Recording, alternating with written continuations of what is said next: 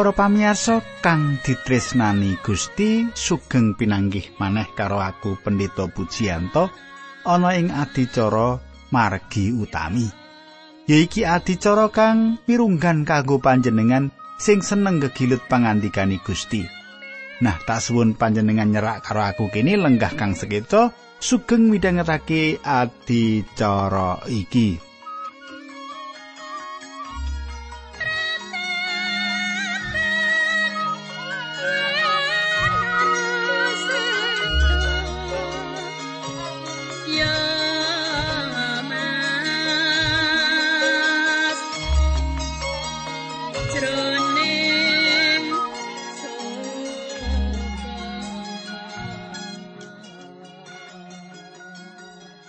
Para pamirsa adicara kepungkur aku wis ngaturake yen manungsa ora bisa suwani ngarsane Allah kanthi lelumur dosa ing uripe. Iki ateges yen kita kepengin suwani ngarsane Allah. Urip kita kudu wis resik saka dosa. Monggo kita terusake nggon kita ngeglut buku pangentasan. Nanging sadurunge diteruske, aku ngaturake salam dhisik marang Bapak Sudarto. Pripun kabaripun Bapak Sudarto? Saya saya to, Bapak Sudarto ngantek kliru nggih. Bapak Sudarto, saya saya to. Lan panjenengan remen kula ngginakaken basa ing pedinan. Nah, katanggu monggo kita ndedonga. Kanjeng Rama ingkang dampar wonten kraton ing kasuwargan kawula ngaturaken gunging panuwun menawi wekdal menika kawula saged tetunggilan lan saged sesarengan sedherek kawula ingkang setya tuhu midhangetaken adicara menika. Kawula nyuwun Gusti berkahi kawula linambaran asmanipun Gusti Yesus Kristus kawula ndedonga haleluya amin.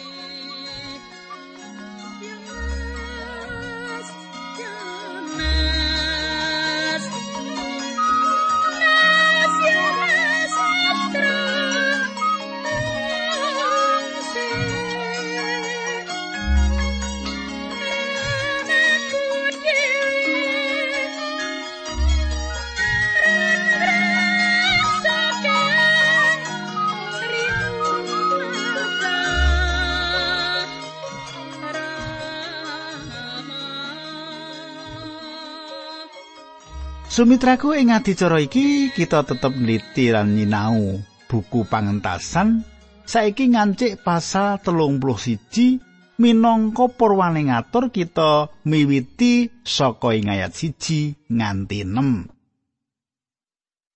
Aku wis milih Besalael anake Uri putune Hur saka kelompok Yehuda.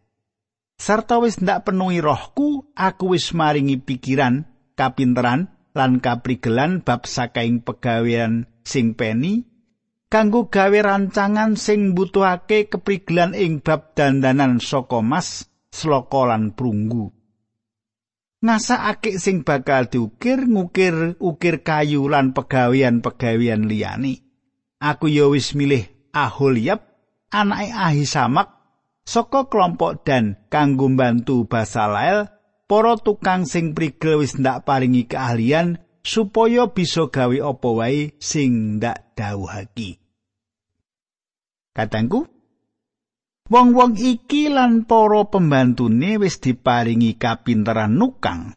Wong-wong iki padha gawe prabote kemah suci lan uga sandangan. Roe Allah maringi kawasisan kanggo nyukupi sekabe kapintran kanggo makarya. Sadurunge katimbalan makarya utawa nyambut gawe ing kemah suci, sapa to Basalael? Sajake Basalael iki kemasan utawa tukang emas, gawe barang-barang sing digawe saka emas, perak, tembaga, digawe barang-barang sing edipeni. Apa maneh barang makarya ing kemah suci Allah maringi kasampurnane kapinterane nggarap barang-barang mas lan sak panunggalane. Apa wae sing dadi kapinteran kita iku kudu ditindakake kanthi becik lan tumemen. Kejaba Allah kanthi cetha ngersakake pegawean liyane, sih rahmate Allah marang wong iki luwih gedhe ketimbang Harun. Kapinteran sing dikanthi sih rahmat iki penting banget kanggo mbangun kemah suci.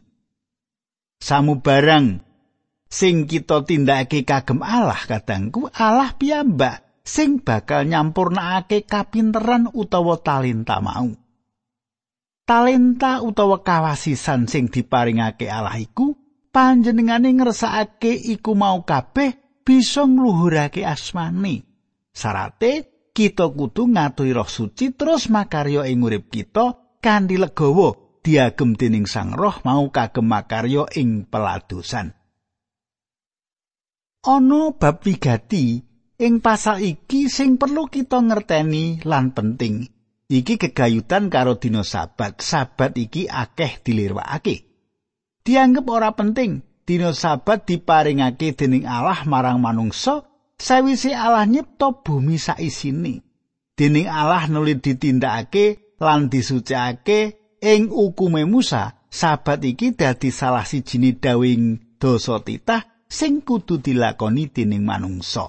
Pancen dosa titah mau nalika semana mung dicethakake dijelasake lan supaya dilakoni dening bangsa Israel wae. Saiki pangentasan 31 ayat 13 nganti 13. Gusti Allah ndawi Musa supaya ngandhakake marang bangsa Israel padha netepono pernatane dina-dina sabat, dina sing ditetepake dadi dina kanggo ngaso selawase dina kuwi dadi tandha perjanjianku karo kowe kabeh sing mertandani yen aku Allah wis nimbali kowe kabeh dadi umatku dhewe Dino sabat diparingake marang Israel. Dino sabat ora tau yen diparingake gereja. Dino sabat apa ana wawahan ora. Dino sabat ora tau ana owah-owahan. Pancen dina sabat ora ana gegayutane karo gereja. Kita wis ora kebawah dening aturane dina sabat sing kedadian saben dina Sabtu. Kita ora ngabekti ing dina Sabtu. Gusti Yesus wis wungu ing dina Minggu. Saka wiwitane gereja pancen wis ngugemi dina kapisan ing minggu iku yaiku dina Minggu. Gereja wis lair sakpungkure dina Pentakosta. Sedina sawise dina Sabat.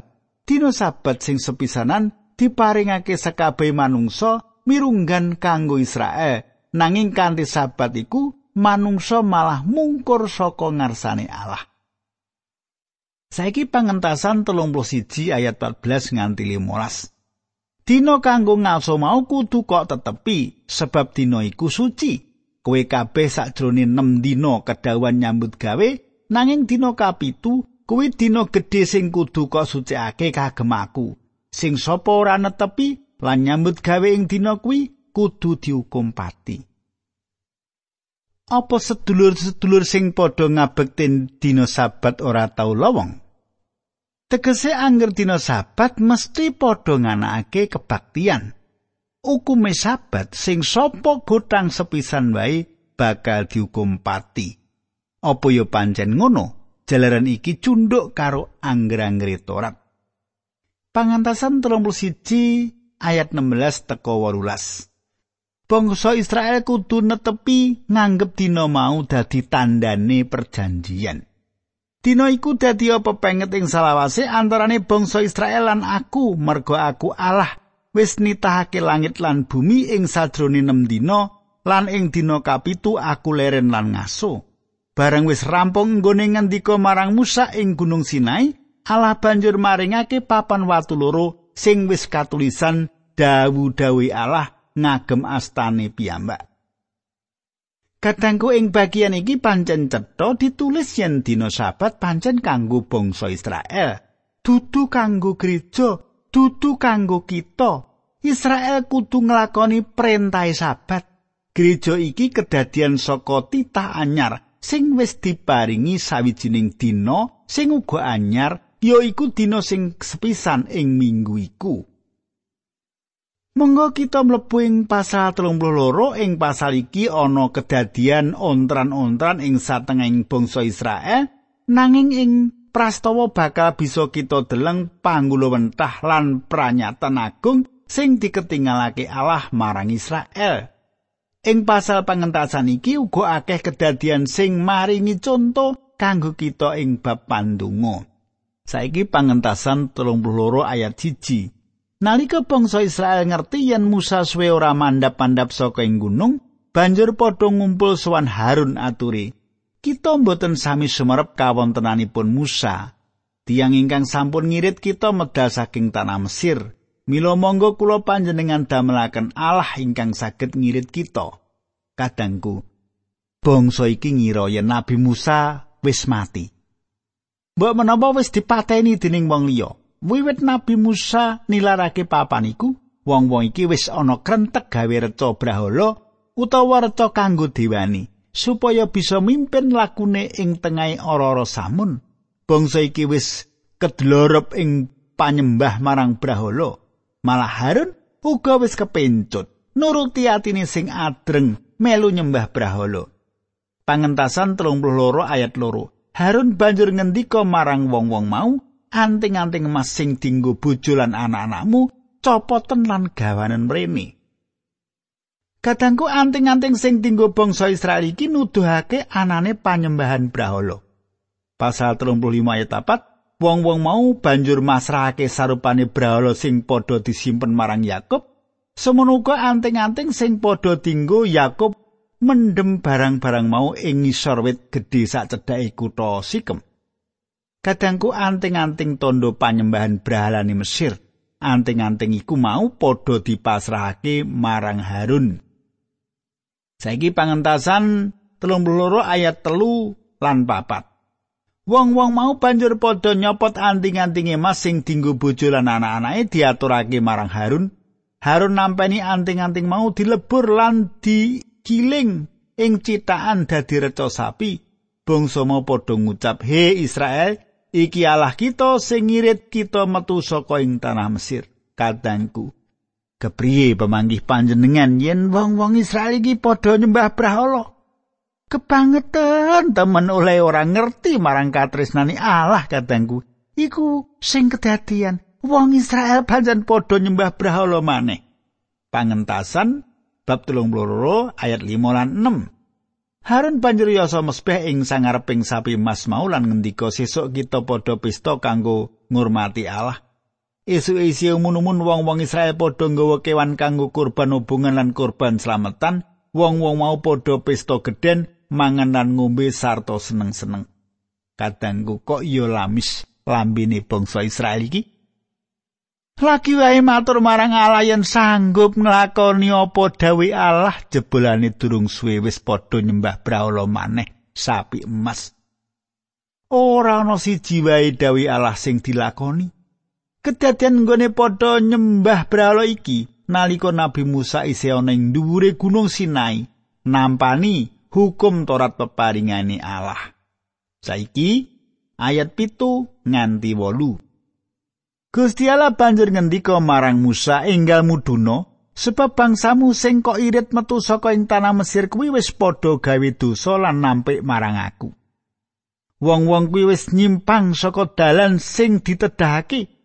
Wong-wong padha gawe sapi saka mas cocoran disembah sarta disajeni.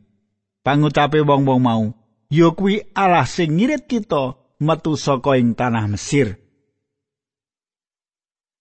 Allah nggone kepareng nebus bangsa Israel ora jalaran bangsa iki luwih apik tinimbang bangsa liyane.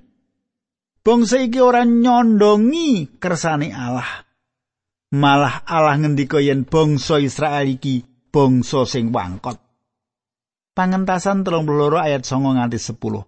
Aku mirsa yen wong-wong mau padha wangkot atine. Saiki aku aja kok penggak. Aku duka marang wong-wong mau sarta bakal ndak tumpes. Kowe sarta turunmu bakal ndak dadekake bangsa sing gedhe kadangku kanggone nabi Musa iki pacoban sing banget abote pancen kaya apa sing dingendikake dening Allah yen bangsa Israel iki bangsa sing wangkot bangsa sing kaku gitoke. Ora kena diluk atine kanthi mengkono Allah pangeran gregeten marang bangsa iki Allah arep numpes. Senajan dikaya ngopo Nabi Musa lan bangsane bakal tetep dadi bangsa gedhe. Panjenengan pirsani apa sing ditindakake dening Nabi Musa. Panjenengane menehi conto ngaturake pandonga sing luar biasa, pandonga agung sing kebak kawicaksanan. Pangentasan 32 ayat 11. Nanging Musa ngaturake panyuwun marang Gusti Allah aturi Gusti, king menapa Gusti dados duka sanget dateng bangsa menika? Paduka sampun milujengaken bangsa menika saking Mesir kanthi panguwasa saha kegiatan ingkang ageng. Kadangku, wis ora ana pilihan meneh. Nabi Musa kudu matur meneh marang Allah. Rasane mesti abot banget ing penggalian Nabi Musa, nanging ora ana cara ya kejaba matur meneh marang Allah. pangentasan telung puluh ayat trulas.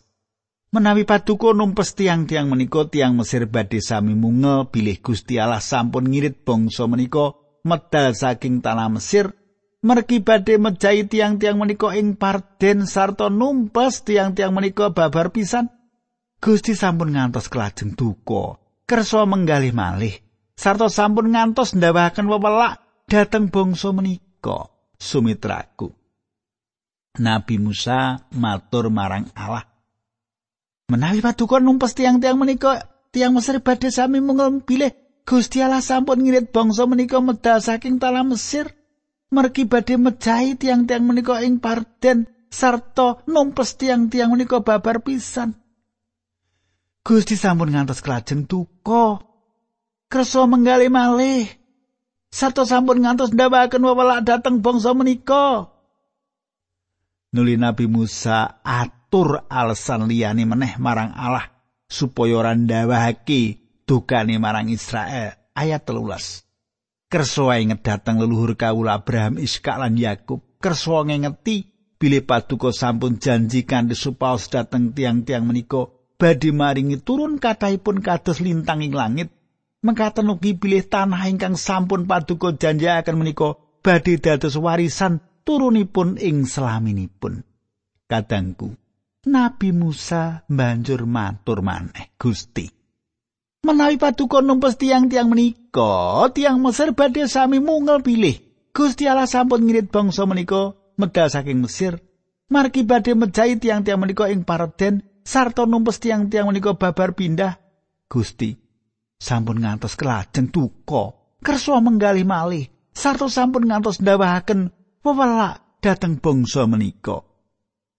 Ayat 14. Gusti Allah banjur ora nglajengake kersane lan ora ndawake marang bangsa mau. Kadangku nalika Nabi Musa ndedonga kawas asih kaya ngono iku. Rentah walase Allah iki kasiate pandonga sing jujur. Pandonga sing jujur bakal bisa enggal ndeleng jawabane Allah. Gusti Allah tansah paring jawaban saben pandonga kita. Nanging yen nganti ora ana jawaban iku ateges pandonga kita kurang tememen lan ora jujur. Saiki ayat 15 nganti 18. Musa banjur mandap saka ing gunung karo ngasta papan watu sing ditulusi dawu-dawi Allah rong sisih. Gusti Allah piyambak sing damel papan watu mau sarta ngukir dawu-dawu ing kono. Nalika mandap Yosua krungu wong-wong Israel padha surak-surak banjur matur marang Musa, "Kula mireng surak-surak ing perang ing pangginan kemah." Pangandikane Musa, "Iku dudu surake perang utawa panjerite wong kalah, kae suarane wong menyanyi." Kadangku nalika Nabi Musa kaya sing tak aturake ing mau, penggali Allah diosekake, sang saya kita jujur ngon kita ndedonga sangsaya enggal kita bisa ndeleng jawabani. Nanging yen pandonga kita satengah-setengah lan ora jujur, Allah wegah paring wasulan. Ayat 19 nganti ayat 24 mengkini surasani. Bareng Musa wis rada cedhak karo panggonan kemah mau, banjur perso sapi mas. Dene wong-wong padha jejogetan, mula Musa banjur muntap duka banget. ana ing sikiling gunung kuno papan waktu sing diasta nuli dibanting temah pecah. Musa banjur mundut sapi gaweane wong-wong Israel mau nuli dijur-jur nganti lembut diudhek ing banyu banjur dikon ngombe wong-wong Israel.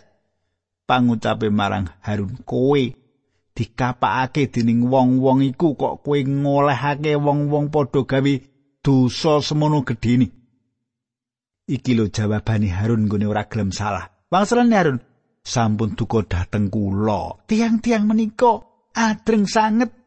nggenipun tumindak duraka sami wicanten makaten kita mboten sumerep kados pundi kawontenanipun Musa tiang ingkang sampun ngirit kita medal saking tanah Mesir dados monggo kula panjenengan damelaken Allah ingkang saged ngirit kita. Kadangku kanthi patrap mengkono Nabi Musa disalahke ing bab kanan saiki iki. Wong-wong Israel duweni anggapan yen Nabi Musa wis nilarake bangsa mau mula banjur golek gundilan marang brahala lembu emas. Saterusé Harun banjur matur.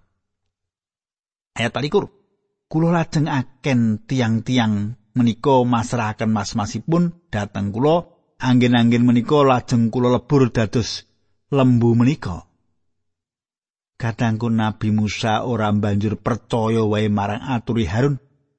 Kepriye mula bukane banjur sapi lanang mau metu saka geni prapen.